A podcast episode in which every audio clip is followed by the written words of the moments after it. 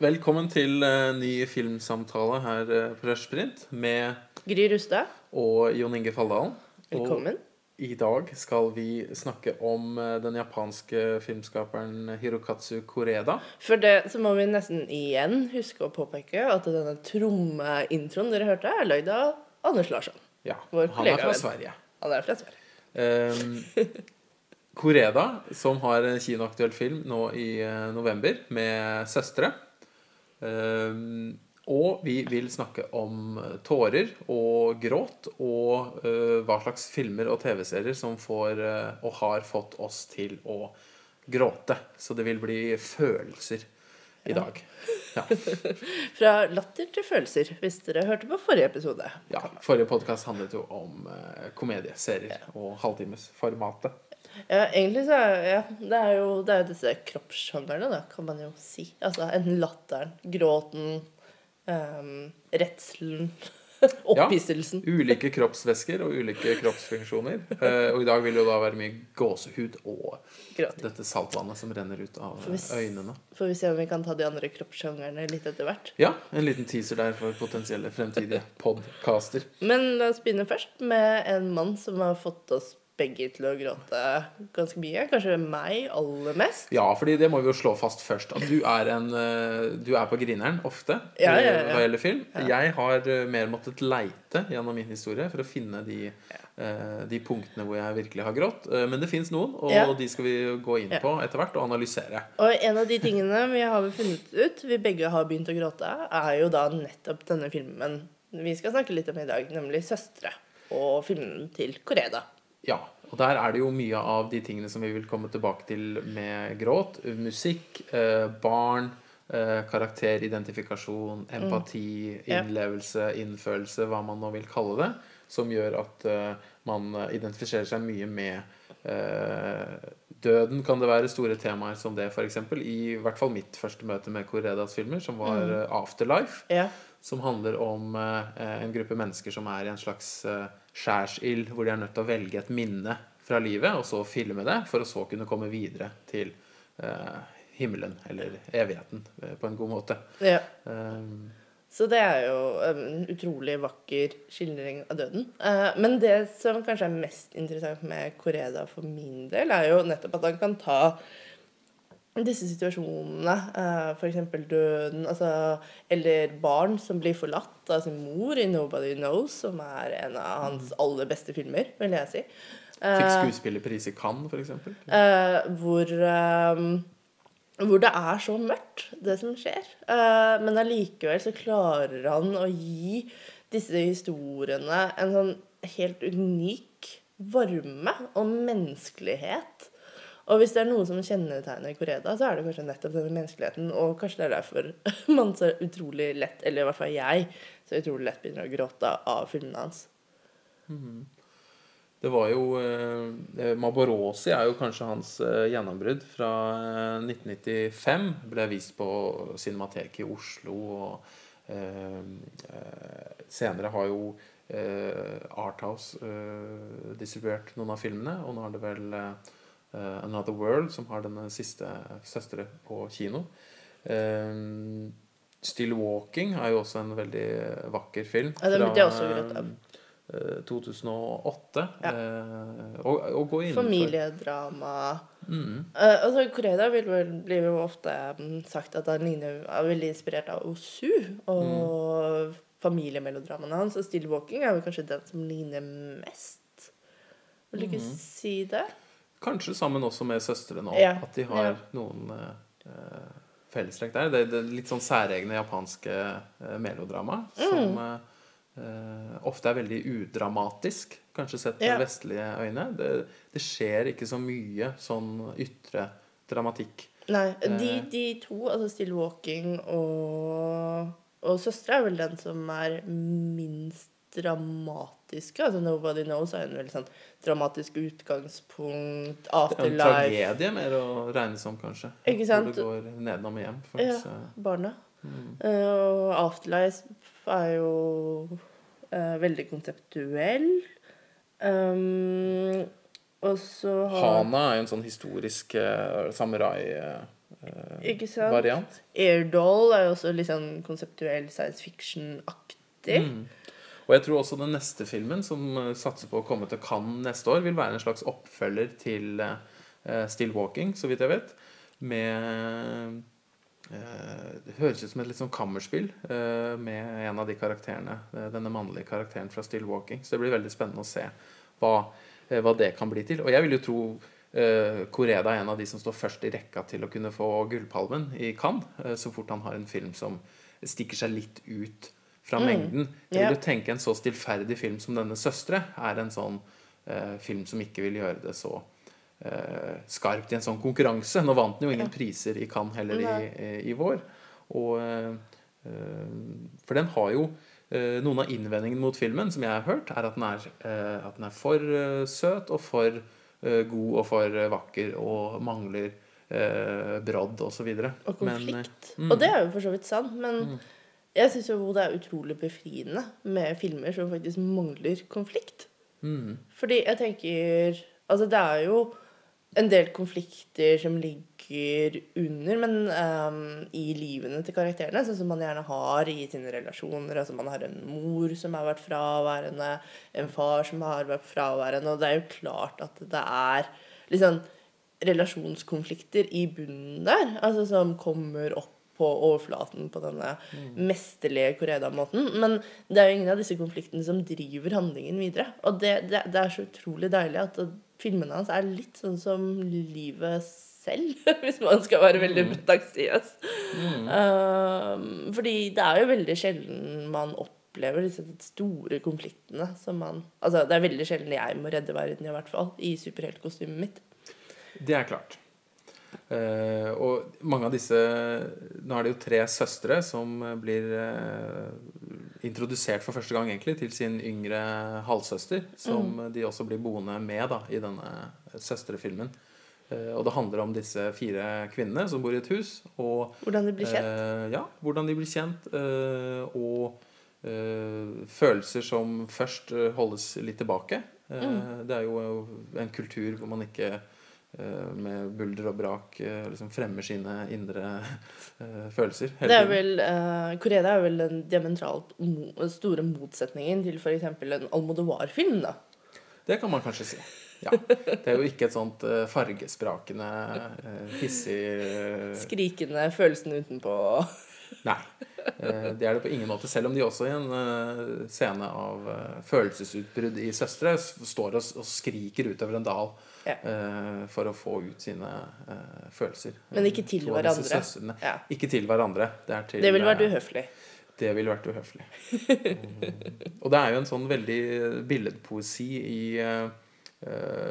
stilen. Jeg tenker noen av de mest interessante trekkene jeg lot meg veldig berøre av i 'Søstre', var disse tradisjonelle nesten nede på gulvet-innstillingene til kamera, Ja, som er ja, i sittehøyde med eh, den japanske tradisjonelle måten å sitte på gulvet, og så eh, veldig, veldig langsomme kjøringer, eh, som eh, på en måte kan minne da både litt om Osu, som hadde sitt kamera eh, Absolutt. fiksert, statisk, på gulvet, men eh, Misoguchi, en av de andre store mesterne, Mm. som brukte i mye større grad kamerabevegelsen som et eh, eh, eh, stilgrep. eh, og tidlig i karrieren så var jo Koreda ble jo veldig tydelig sammenligna med Osu, særlig Maborosi og eh, disse pillow shots, som man har Mm. Kalt det. Disse tomme skuddene av på en måte ingenting. Som kan Mm, være har man jo mellom scener. Ja. Ja.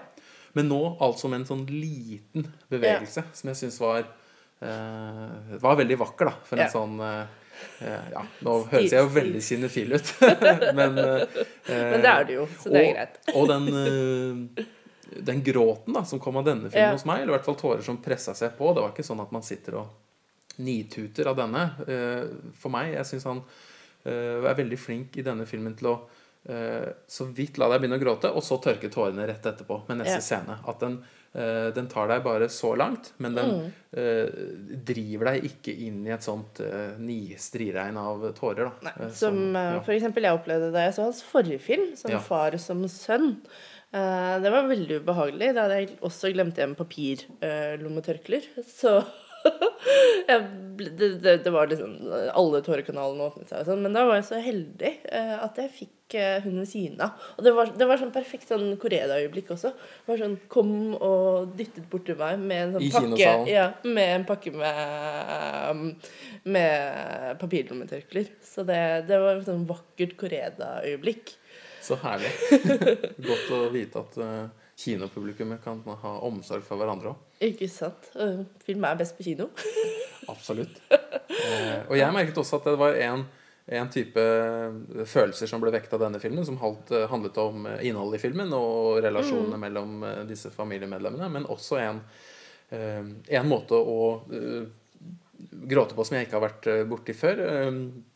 eh, som gjaldt filmmedia, eller filmkunsten. ja. Altså en slags jeg, ble så glad for å se at denne, film denne type film Ja, eksisterer. At eh, noen lager sånn film, og det ble jeg veldig eh, berørt av. Ja, og det er jo noen scener som jeg også merket at jeg ble rørt av, rett og slett for jeg syns de var så hinsides vakre. Det er en scene hvor denne yngste søsteren eh, sykler sammen med en sånn halvveis kjæreste, kjærlighetsinteresse, under en sånn um, tunnel av kirsebærblomster.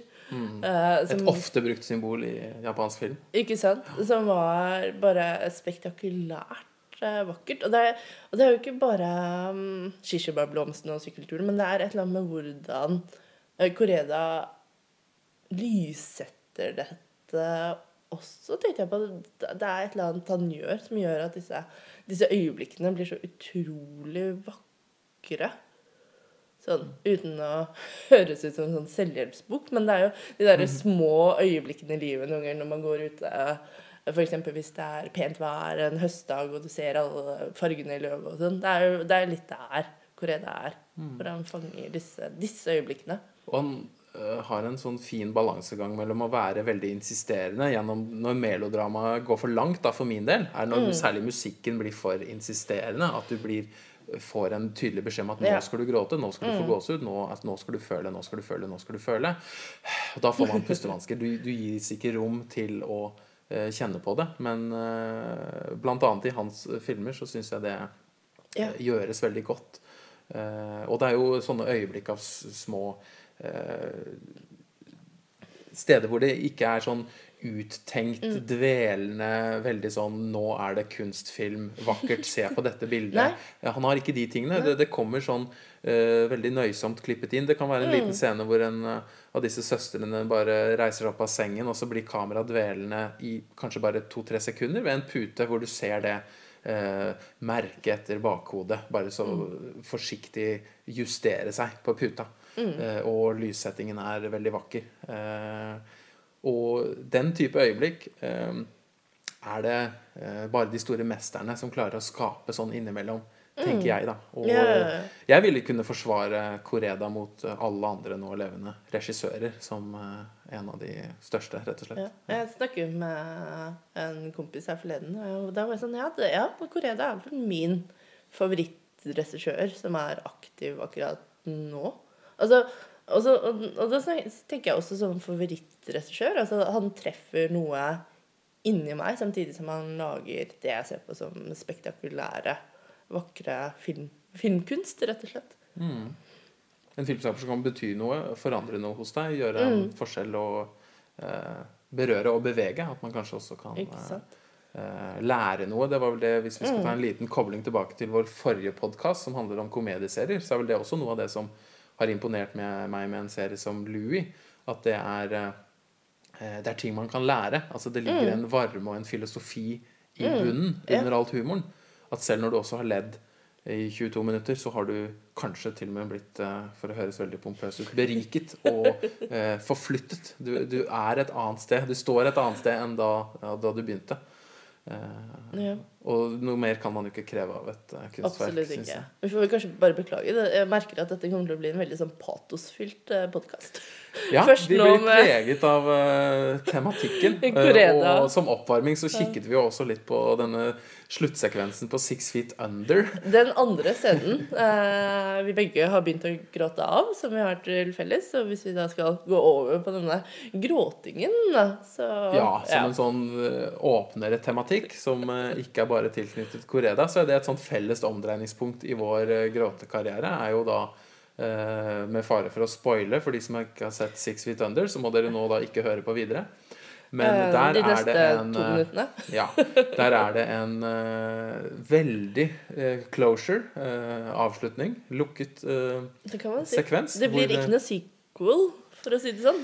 Nei, da må man i så fall eh, skrive det inn i det de allerede har avslørt, av hvordan alle karakterene eh, ender sine liv, rett og slett. Så det er, det er jo døden iscenesatt med eh, Og ganske mye patos da på i musikken. Innen den perfekte montasjen. Ja. Ja.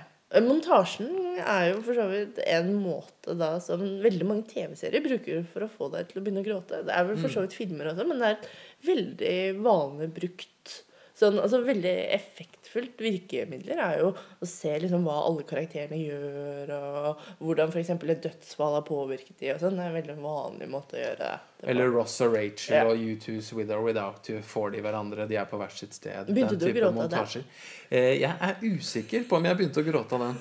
Eh, du har jo problemer med U2 og eh, egentlig ikke så mye med Friends, kanskje. Nei, men jeg begynte aldri å gråte, friends. Nei, jeg tror ikke Jeg må si at jeg Nei. tror ikke det. Innenfor sitcom-sjangeren så er vel øyeblikket for meg er vel da Fresh Prince av alle. Eh, Ja. Will Smith eh, eh, kjefter på sin far, som endelig dukker opp Ja. i en episode hvor han har ventet og ventet, og denne fraværende faren. Og han har en sånn skikkelig eh, rant. Eh, han kjefter på eh, sin far og begynner å gråte selv i scenen. Eh, og det husker jeg traff meg veldig Mm. Ja. som en sånn ettermiddags etter skoletid eh, øyeblikk, da. Ja. Eh, Jeg pleide også å se på MASH med bestefaren min etter skoletid. Så jeg har en del, eh, del gråting av MASH også, sånn eh, da Henry går bort, eksempel. Man kan ikke spoile MASH. MASH er så gammel at det, det går ikke an å spoile. Din bestefar, da? Gråt han, eller var det bare du som gråt? Uh, jo, ja, ja, bestefaren min var enda mer uh, lettrørt enn det jeg var. Han kunne begynne å gråte av at vi så på glamour. Ja. Uh, det gjorde ikke jeg da, alltid. Men det kunne han gjøre. Eh, så det var veldig fint. Og slutten, de siste episodene av MASH, er jo magiske. Så det er en tradisjon du ivaretar på et vis? Ja, og Altså, du, du er opplært i å gråte Ja. av eh, TV-serier på et vis? Jeg vet ikke om det har noen sammenheng, men vi var jo ganske like. Vi hadde jo til og med bursdag på samme dag. Ja. Eh, Men dere har da sett på en del TV-serier sammen og, og filmer også? Var det på kino også, eller var det hjemme? Nei, det var hjemme. Vi Det var så på TV, hvor vi satt og gråt og så på TV. Det var veldig, veldig fint. Som forberedelse til denne podkasten så ramset du opp Det må ha vært 100-150 titler, tror jeg, på ting du har grått av. Men hvis du skulle ha eh, prøvd å gruppere det i noen ulike måter Hva slags og hva, hva er det du gråter av? På hvilken måte er det du blir berørt? Og ja, analysere det litt. Eh, Det er jo øh, Dette tror jeg vel er ganske vanlig. Altså, du har jo øh, denne situasjonen med Altså, jeg tror empati øh, er ganske viktig. At du klarer å sette deg inn i denne karakterens situasjon.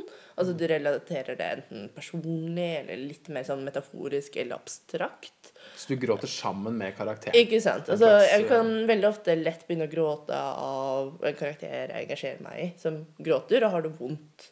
Eh, Så det er liksom empati, empatigråten, tror jeg vi har en, en tradisjon. Altså Friday Night Lights er jo kanskje den serien jeg gråt mest av, og der er det veldig veldig mye empatigråting.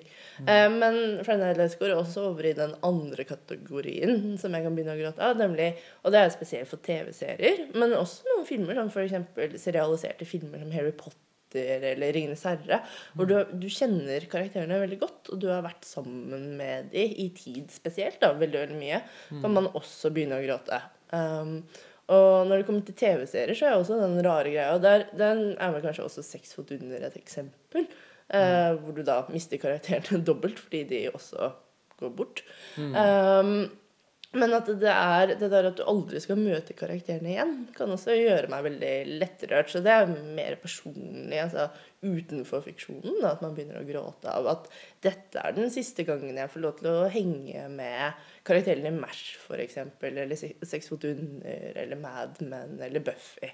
Så en Eh, avskjed ikke sant? eh, Får den deg til å minne deg om egne avskjeder, eller er det på en måte konseptet avskjed som Det er det. opp? det jeg tror det er mer det at jeg kommer til å savne karakterene veldig mye. Så det, det, det er rett og slett med hvor mitt personlige forhold til karakterene. Og Og så tanken på at jeg aldri kommer til å se Peggy på skjermen igjen i en ny situasjon, gjør meg veldig lei meg, f.eks. Har det noe med måten det gjøres på? F.eks. i 'Sopranos', hvor det avsluttes veldig brått. Eh, Har det noe med hvordan du da føler det etterpå? Med å aldri Ja, skulle ja, møte da, Tony ja, fordi da var jeg mer sjokkert. Så det, da erstatter den følelsen denne siste finaliteten da, som man veldig ofte får på en del andre serieavslutninger, sånn Sex mot hunder eller Friday Night Lights f.eks. Mm. Um, så det er to måter å gråte på. Og så, og så må jeg innrømme at jeg er Jeg kan også bli manipulert og gjøre det Hollywood sier at jeg skal gjøre, nemlig at jeg gråter uh, av disse store blockbusterne. Uh, jeg, jeg har funnet ut at jeg er spesielt svak for sånne rousing speeches, som de kaller det. Sånn Braveheart, Independence Day um, og Gladiator er vel sånne alle filmer. Og jeg begynte å gråte av disse. 'Ringenes herre', kanskje? Ringenes herre, selvsagt. Band of Brothers. Herregud, jeg begynte å gråte så mye av Band of Brothers. Er det sånn at det forstyrrer, sånn at du ikke får med deg det som blir sagt? Ting som uh... Ja, det kan godt være. Ja, Ja. det, det tror jeg helt sikkert. Hvis jeg blir mest ødelagt, så Og at du ikke ser, du må tørke øynene og Ja, og det, det kan jo være fryktelig ubehagelig å begynne å gråte uh, veldig mye av noe også. Sånn, av mor så satt jeg og gråt sånn 1 time og 20 minutter i strekk, sånn cirka. Det var ganske slitsomt. Også da uten papirlommetørklær, selvsagt. Så alle dere som driver med filmselskaper og skal testvise filmer eh, Gry Rustad kan jo være da en person å bruke som testkanin. Her er det mange følelser som eh, er i spill. Alt fra skrekk til eh, tårer og, Ja. Latter. Og latter. Ja. Så, eh, så du, du ser film med hele kroppen, rett og slett, eh, kan man si. Absolutt. Men, jeg- men jeg blir ikke manipulert av alt. Jeg husker jeg var øh, øh, og så den første Sex og singel-filmen. Og da blir jo denne utrolige selvopptatte hovedpersonen, Keri, blir jo forlatt ved alteret øh, første gangen. Uh, og det husker Jeg hadde sånn Jeg hadde først sett den på en pressevisning, husker jeg. Med blant annet deg. Da var det Ja. ingen som gråt av denne scenen. Hvor hun står og Norske kritikere, kritikere har ikke følelser på pressevisninger. Det er derfor komedier får veldig dårlig kritikk. Eh, hvor eh, hun liksom står og hamrer løs denne blomsterbuketten på denne Mr. Big. Mm. Eh, og så var jeg senere og så den sammen med venninnene mine. og Da, var vi nesten bare venninnegjenger, tror jeg, som var og så denne filmen sammen på Gimle. Så husker jeg under denne tiden, og så plutselig så oppdaga jeg at alle rundt meg gråter. Jeg var sånn, jeg var sjokkert. Du mente de ikke burde gråte. Nei, fordi dette her var hennes skyld, vil jeg si. Hun tok jo ikke telefonen. Altså, hun bør, Jeg tenkte hun burde ha kjent denne mannen såpass godt at hun kunne unngått det. Snakket du noe med dem om hva de hadde grått av, da? Eller, Ja, jeg tror, det var, jeg tror det var kanskje en sånn frykt for at det kunne skje de. Ja. Så jeg tror jeg kanskje ikke hadde den, for jeg tenkte for meg selv jeg vil aldri oppføre meg sånn. Så det ville Nei. aldri ha skjedd meg. Og jeg ville aldri hatt et så stort bryllup heller. Så det ville aldri ha skjedd. Så var logikken innenfor fiksjonsuniverset som fikk deg til å Ja. ikke da gråte. Ja. Eh, Hva med deg? Har du noen sånne kjennetegn på det lille du har grått av? Ja. Jeg tror nok det et eh, fellestrekk er jo barn. Det er veldig Ja. lite originalt. Men hvis det er barn involvert, og eh, både før og etter jeg ble pappa selv, og godhet Altså når folk er snille mot hverandre, når det er eh, oppofrelse eller eh, ja, folk som gjør så godt de kan, gir eh, halvparten av det brødet de egentlig hadde Ja. lyst til å spise selv. på et vis. Eh, jeg hadde en opplevelse som er jo veldig sånn eh, eh, mor-barn-relasjon fra i vinter, da jeg underviste i et emne i filmhistorie og viste eh, Ingeborg Holm av Viktor Sjøstrøm fra 1913 i Lillebild på Cinemateket med pianist osv. Da begynte jeg å gråte noe veldig. Der er det en eh, mor som er nødt til å gi fra seg barna sine Ja, eh, pga. økonomiske årsaker. Så der er det jo melodrama, egentlig, i Mm. sin ypperste form. Eh, så kan jeg huske fra jeg var liten og har sett eh, sånn tegnefilm som eh, et amerikansk eventyr, eh, An American Tale med Fivel, eh, den slags, eller My Girl, hvor Ma Macaulay Culkin dør etter et hva er det, vepseangrep. Ja. Men også de store blockbusterne, sånn Titanic. Jeg tror jeg gråt da Leonardo DiCaprio slapp dette Ja. isflaket, eller holdt seg fast der og ja, ga plass til Kate Det Winslets tror jeg faktisk ikke jeg karakter. gjorde. Helt utrolig nok. Lion King er vel andre Ja, sånne ja, midt-90-talls Og det er også eksempler. denne relasjonen barn. Uh, Og igjen Bambi- også Bambi. med Hisham Samans Bauka, som jeg Ja. har brukt noen ganger i undervisningen også, og Ja. som jeg da har sett sikkert 50 ganger. Men uh, mot slutten, når han uh, Mm. roper på pappaen sin og har dette Zidane-fotballkortet det, er, eh, det er utrolig godt gjort.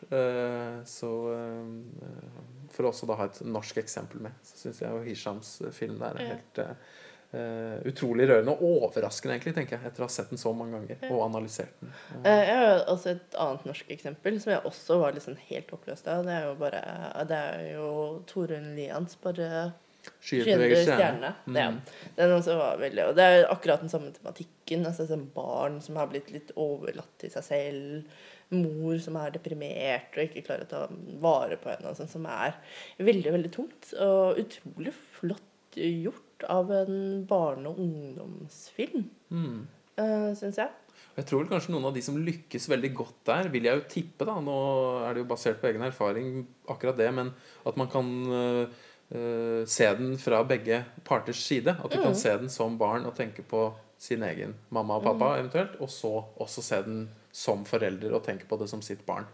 Uh, og hvis den er like, like treffende begge veier, så tror jeg, tror jeg man har truffet noe da, som filmskaper. Så øh, Ja, apropos det, jeg syns jo veldig mange av de Pixar-filmene treffer jo akkurat det. Kanskje det er spesielt den siste, 'Inside Out'.